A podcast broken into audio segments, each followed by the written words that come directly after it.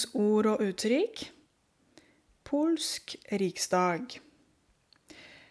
Nå kommer jeg til Europa med disse landene og nasjonalitetene. Unnskyld. Og når uh, du leser eller hører i en polsk riksdag, det betyr at det var et møte hvor det var bare kaos og bråk. At det var fullstendig kaos, det var kaotisk og bråkete. Og det jeg, jeg, leste at dette uttrykket kommer faktisk fra 1700-tallet.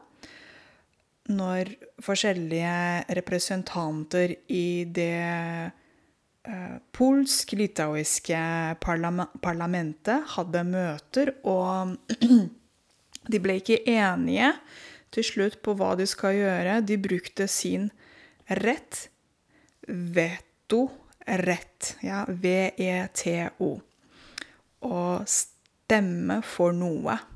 Hvor du sier at du ikke er enig med noe. Da bruker du din rett, veto-rett. Og alle medlemmene i parlamentet på den tiden hadde denne retten.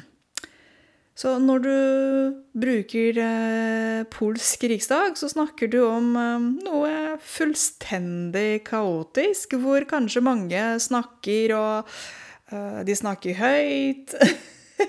det er mye bråk. De snakker kanskje i munnen på hverandre. Ja, det er mye som skjer. Um, et eksempel. Um, du kan si de nye kollegene hadde møter i går, og det ble bare en polsk riksdag på, på disse møtene. Ja, det var bare kaos. Eller så kan du få en leder som sier Dere, jeg setter stor pris på om møtet i dag blir ikke en polsk riksdag som sist. Så han sier at han setter veldig stor pris på om folk på møtet ikke bråker og snakker i munnen på hverandre, og det blir fullstendig kaos. Tusen takk for at du lytter til eh, podkastene mine. I morgen kommer det en ny minipodkast. Ha en fantastisk dag videre. Vi høres. Ha det bra.